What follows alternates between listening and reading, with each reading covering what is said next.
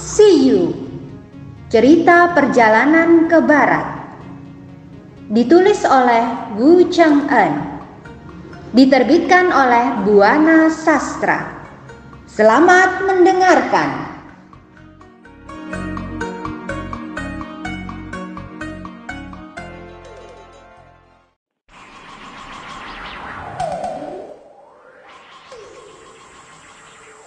Bab 1 Lahirnya seekor kera batu Gunung Huokuo. Raja kera tampan mencari seorang guru sakti. Di sebelah timur Shengshen terdapat sebuah negeri bernama Aulai, tepatnya di sebuah samudera besar.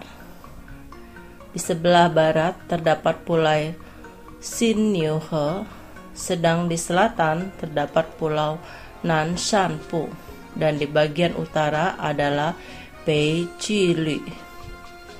Di negeri Aulai terdapat sebuah gunung yang ditumbuhi berbagai tumbuhan besar dan kecil. Di antaranya adalah pohon buah-buahan dan bunga serta pepohonan lainnya.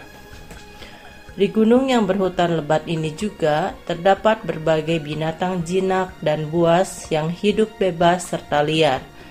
Karena itu, di dalam rimba itu berlaku hukum yang kuat berkuasa dan yang lemah menjadi mangsa yang lebih kuat. Sudah sejak lama Gunung Huakuo itu muncul. Alkisah di atas gunung itu terdapat sebuah batu ajaib. Sebenarnya batu itu berbentuk biasa saja, sama bundar dengan batu pada umumnya. Namun, oleh beberapa orang yang sempat melihatnya, batu itu dianggap sebagai batu misterius karena mereka tidak mengetahui kapan batu itu berada di sana. Mungkin batu itu muncul bersamaan dengan munculnya Gunung Huakuo itu sendiri. Beratus-ratus tahun lamanya, batu ajaib itu disinari teriknya sang surya pada siang hari dan tertimpa sejuknya sang rembulan pada malam hari.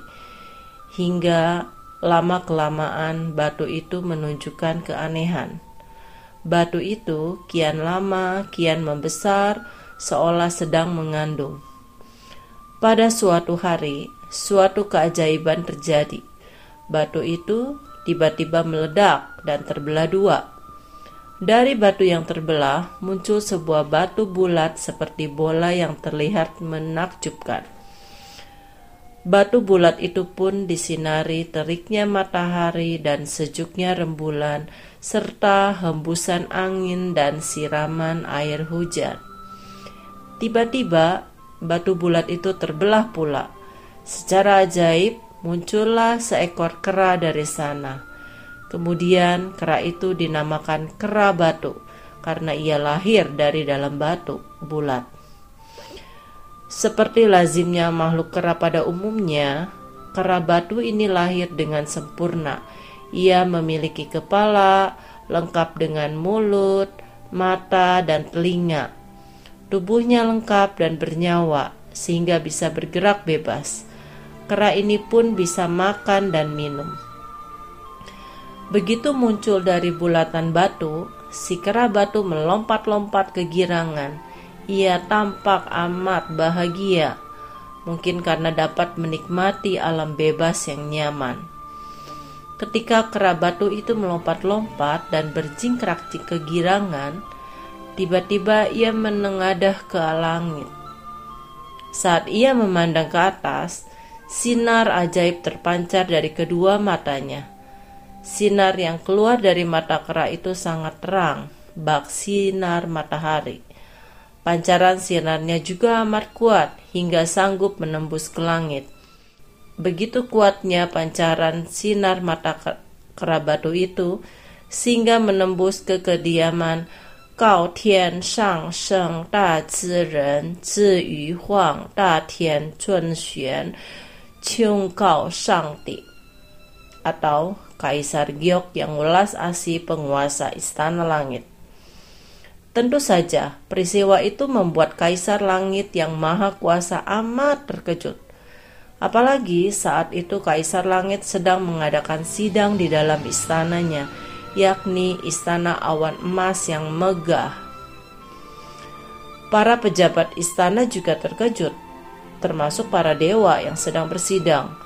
Rupanya, baru kali ini mereka menyaksikan pancaran sinar yang begitu tajam hingga dapat menembus lapisan langit.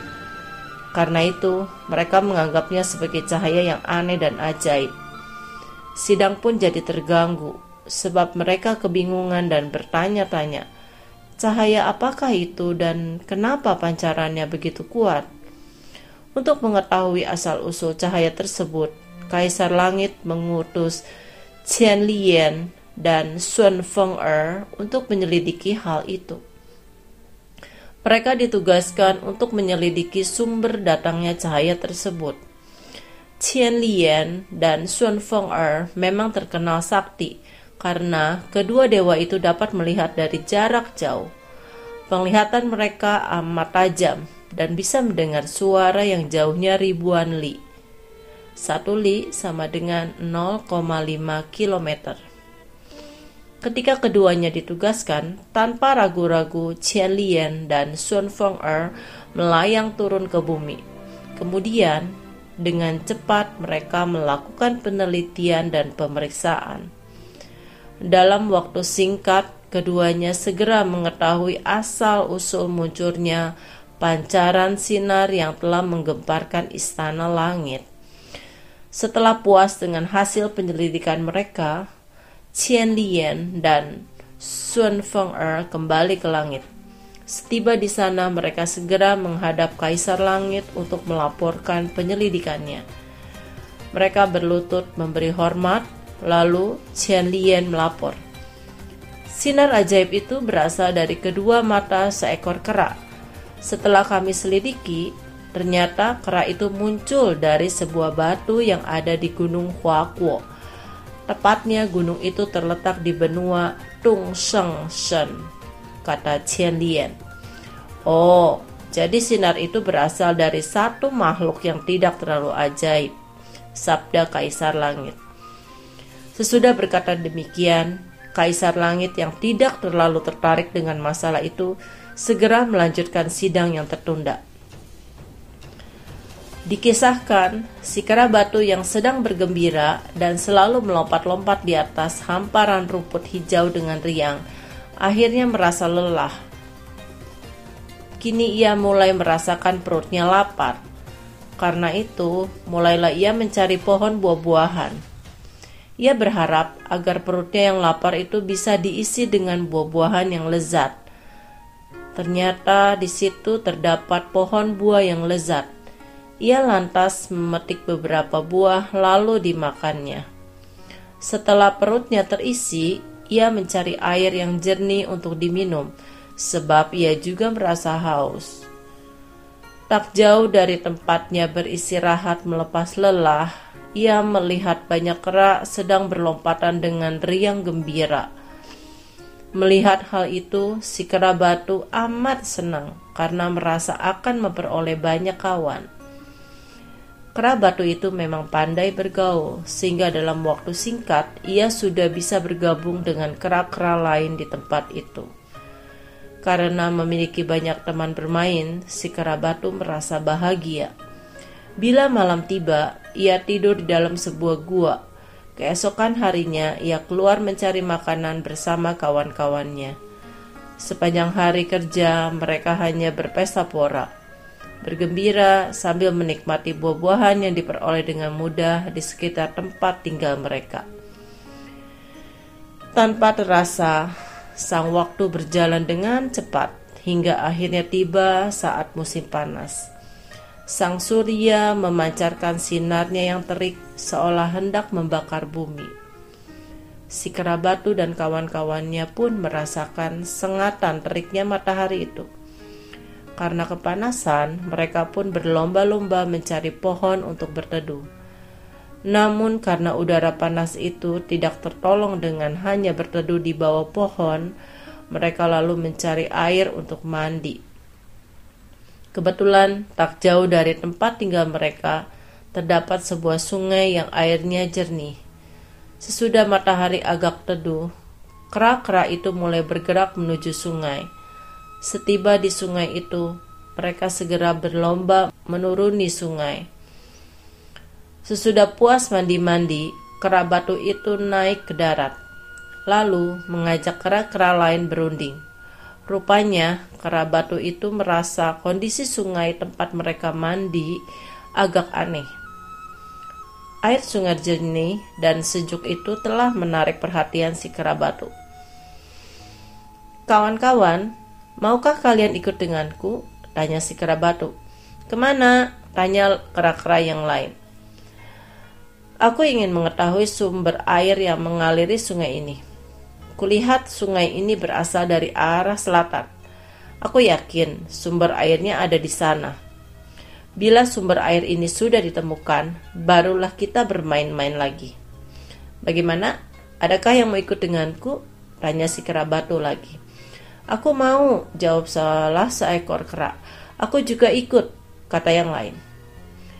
Ajakan kera batu itu mendapat sambutan hangat dari kawan-kawannya. Mereka menyambut ajakan si kerabatu dengan penuh semangat. Tak lama kemudian, dengan berbondong-bondong mereka pergi mengikuti si kerabatu yang berjalan mengikuti arah sungai ke selatan. Di sepanjang jalan yang mereka lalui, mereka tak henti-henti bersorak-sorai sambil menari-nari dan berteriak-teriak dengan riuh. Dengan demikian, hutan yang semula sepi tiba-tiba menjadi gegap gempita. Mereka berlomba-lomba saling mendahului dengan penuh semangat. Rupanya, mereka ingin segera sampai ke tempat tujuan. Rasa lelah di perjalanan tak mereka pedulikan lagi, sebab mereka ingin segera mengetahui letak ujung sungai yang airnya jernih dan sejuk itu. Sesudah menempuh perjalanan cukup jauh, sampailah kera-kera itu di suatu tempat di sana mereka menemukan sebuah air terjun dengan pemandangan yang amat indah. Air terjun itu sangat jernih dan sejuk. Jernih bagaikan kaca yang berkilau. Airnya yang mengalir turun dari bukit menciptakan pemandangan yang amat indah. Oh, alangkah indahnya air terjun ini, seru seekor kera sambil bersorak gembira. Ketika kera-kera itu berkumpul dan bergabung menjadi satu, mereka amat terpesona menyaksikan pemandangan alam yang demikian indahnya. Suasana tiba-tiba menjadi sunyi saking takjubnya mereka. Setiap kera memandang ke arah air terjun dengan kekaguman masing-masing. Walau saling pandang, mulut mereka tertutup rapat. Oh, alangkah indahnya! Tapi siapakah yang berani terjun ke sana, ke alam yang indah itu? Kata seekor kera. Ya, bila saja ada yang berani terjun ke dalam air terjun itu dan bisa kembali dengan selamat, dia akan menjadi raja kita. Sahut yang lain lagi. Benar, siapa yang bisa kembali dengan selamat, dia akan menjadi raja kita. Sahut yang lain lagi. Mendengar ucapan yang mengandung tantangan itu, mereka hanya saling pandang, tak seekor pun yang berani menerima tantangan untuk terjun. Karena itu, mereka hanya berdiri seperti patung. Rupanya, mereka takut dan ngeri, apalagi sungai di hadapan mereka masih asing bagi mereka. Meski tantangan itu telah diucapkan berulang-ulang, tetapi tak ada satu tanggapan pun. Akhirnya terdengar suara riuh rendah kera-kera itu. Mungkin karena mereka saling mengeluarkan pendapat masing-masing. Karena tak seekor pun kera yang berani terjun, tiba-tiba si kera batu mengangkat tangannya. Kalau begitu, biar aku yang turun terjun ke air terjun ini. Seru si kera batu. Hore, hore! Kera yang lain segera memberi semangat. Setelah suara-suara itu mereda, Kera batu berjalan menuju tepi kolam. Melihat situasi itu, kera-kera yang lain mengawasi ke arah kera batu itu dengan perasaan heran dan cemas. Meskipun demikian, dalam hati mereka mengagumi keberanian teman barunya ini. Dengan sikap mantap dan gagah, si kera batu segera berjalan menuju ke tepi air terjun. Sesudah memandang ke arah kawan-kawannya, kera batu mulai bersiap-siap untuk terjun. Kemudian, melompatlah ia ke air terjun itu, lalu berenang dan menyelami kolam di bawah air terjun itu. Menyaksikan kera batu itu lenyap dari permukaan kolam air terjun itu, semua kera menahan napas. Rupanya mereka cemas dan khawatir akan nasib si kera batu. Namun, tak seekor pun dari mereka yang berani ikut terjun untuk menolong atau berbuat sesuatu. Sementara itu, si kera batu yang ada di dalam air malah bisa berenang dengan mudah dan ringan. Tanpa terasa, ia sudah berada di bawah sebuah jembatan besi di bawah jembatan besi itu mengalir air yang deras. Menyaksikan hal itu, si kerabatu tampak heran dan penasaran. Ia lantas naik ke jembatan, kemudian berjalan dari ujung jembatan yang satu ke ujung jembatan yang lain. Ketika si kerabatu tiba di ujung yang lain, di sana ia melihat tempat itu begitu bagus seperti tempat tinggal manusia. Si kera batu memandang sekeliling tempat itu. Dari jauh ia dapat melihat satu papan yang bertulisan Huo Guo Shan Fu Di Shui Lian Tung Tian. Gunung Huo Guo, tanah yang subur makmur, gua tirai air yang menembus ke langit. Kemudian si kerabatu segera memeriksa dan meneliti tempat itu sepuas-puasnya. Ia tampak amat puas dan senang. Setelah itu, ia cepat-cepat kembali ke seberang jembatan, lalu terjun kembali ke dalam air. Dengan mengerahkan seluruh tenaganya, ia berenang dan muncul kembali di permukaan air terjun itu. Ternyata, di tepi muara air terjun itu, kawan-kawannya masih menantikannya dengan hati cemas. Ketika mereka melihat si kera batu muncul kembali ke permukaan air, semua kera yang ada di darat bersorak gembira. Namun mereka juga merasa heran karena menyaksikan si kera batu muncul dalam keadaan selamat tak kurang satu apa pun. Tadinya kawan-kawannya sudah cemas sebab si kera batu tak muncul-muncul. Mereka juga sudah berprasangka buruk dan amat mengkhawatirkan keselamatan si kera batu. Si kera batu lantas segera naik ke darat dengan cekatan. Di hadapan teman-temannya, si kerabatu tertawa-tawa. Bagaimana hasil penyelidikanmu? Tanya seekor kera tua. Di bawah air, aku menemukan tempat yang luas dan indah, jawab si kerabatu. Mendengar keterangan si kerabatu, semua kawan-kawannya menjadi kaget. Mereka segera mengerumuni si kerabatu untuk menanyakan penemuannya. Tempat apa itu dan bagaimana situasinya? Tanya kera yang lain. Ya, apakah air itu dalam? Tanya yang lain. Sabarlah, nanti akan kuceritakan semuanya pada kalian. Sekarang biarkan aku beristirahat dahulu, kata si kera batu. Setelah merasa cukup beristirahat, si kera batu lalu mengumpulkan teman-temannya. Kemudian ia mulai bercerita. Ketika aku terjun dan menyelam ke dalam air, aku segera berenang ke dasarnya. Ternyata di sana kutemukan sebuah jembatan besi. Dengan heran, aku naik ke jembatan dan berjalan ke seberang sana.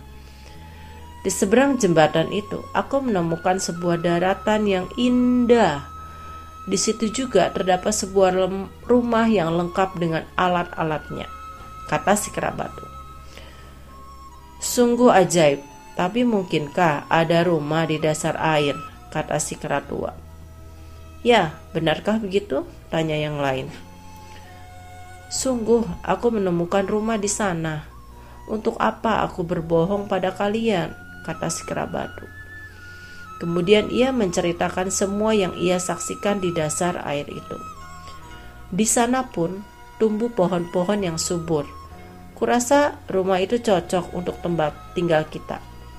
Selain bersih dan indah, tempat itu luas hingga bisa dihuni oleh ribuan kera. Dengan demikian, kita bisa berlindung dari bahaya yang akan mengancam kita. Selain itu, kita pun bisa berlindung dari teriknya matahari dan hujan, ujar si kerabatu. Wah, kalau begitu sungguh hebat. Bagaimana kalau kita periksa tempat itu? Usul kera yang lain. Mendengar usul itu, semua kera bergembira hingga terdengar suara hiruk pikuk. Mereka berdesakan berebut ingin ikut memeriksa tempat yang indah itu. Bersediakah kau mengajak kami ke sana? Tanya seekor kera tua. Baiklah, mari, ajak si kera batu. Si kera batu lantas mengajak kawan-kawannya untuk pergi ke tepi telaga dekat air terjun. Di sana ternyata para kera itu merasa agak ngeri sehingga tak berani terjun. Karena itu, si kera batu mengajari kawan-kawannya agar bisa terjun ke air dan berenang. Setelah ia yakin kawan-kawannya bisa meniru, si kera batu segera terjun ke dalam air memberi contoh. Melihat si kera batu menyelam, mereka pun segera ikut terjun sambil memejamkan mata dan menyelam. Tak lama, mereka akhirnya muncul di permukaan air Begitu muncul, mereka berteriak kegirangan, bercampur heran menyaksikan jembatan serta bangunan itu. Dengan takjub dan heran, mereka menyaksikan keindahan alam serta bangunan yang ada di tempat itu.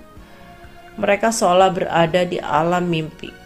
Setelah puas, kera-kera itu lantas beramai-ramai naik ke darat dan berebutan mendekati bangunan indah di sana. Mereka pun bersama-sama memasuki gua. Oh, alangkah ajaib dan indahnya, seru mereka kagum.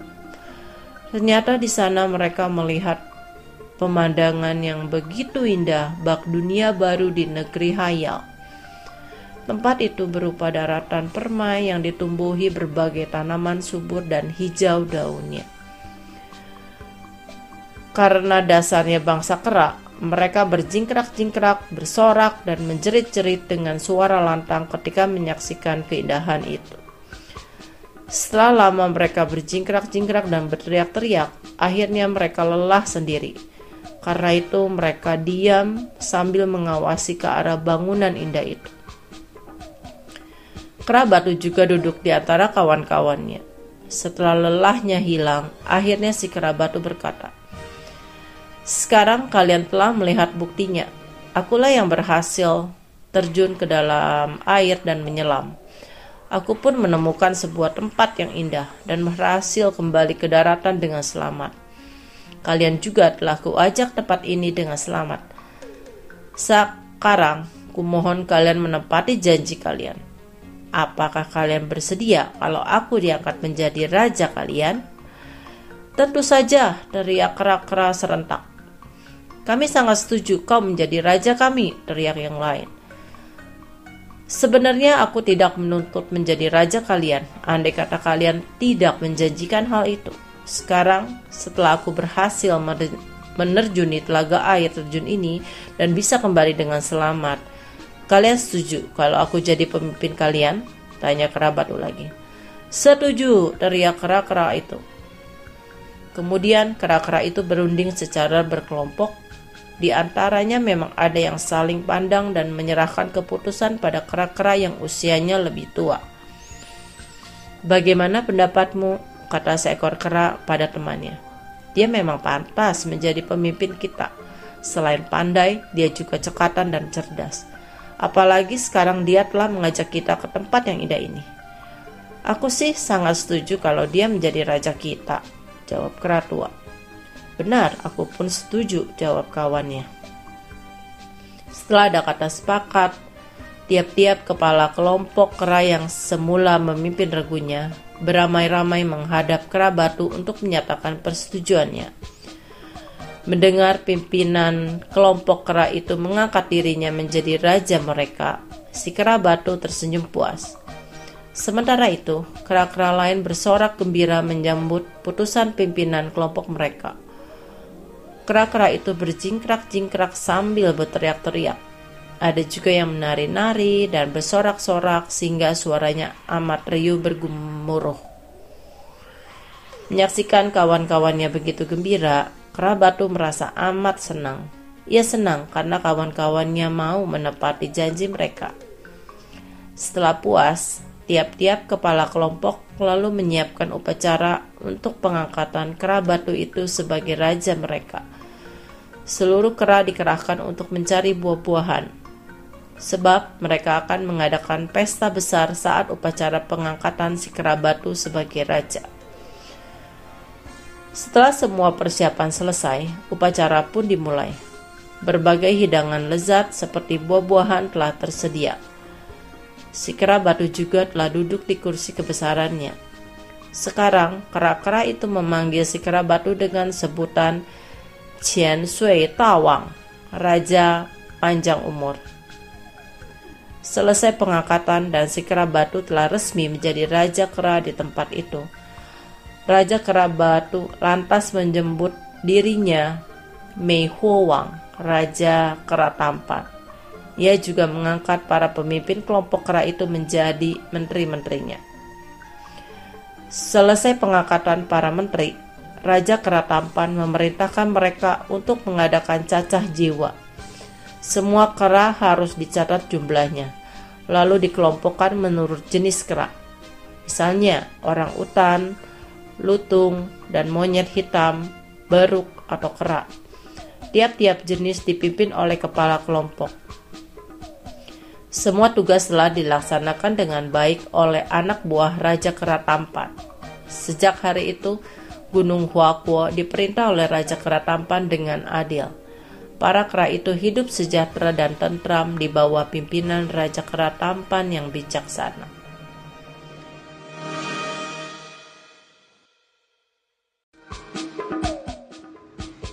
Dengarkan kisah selanjutnya. Terima kasih.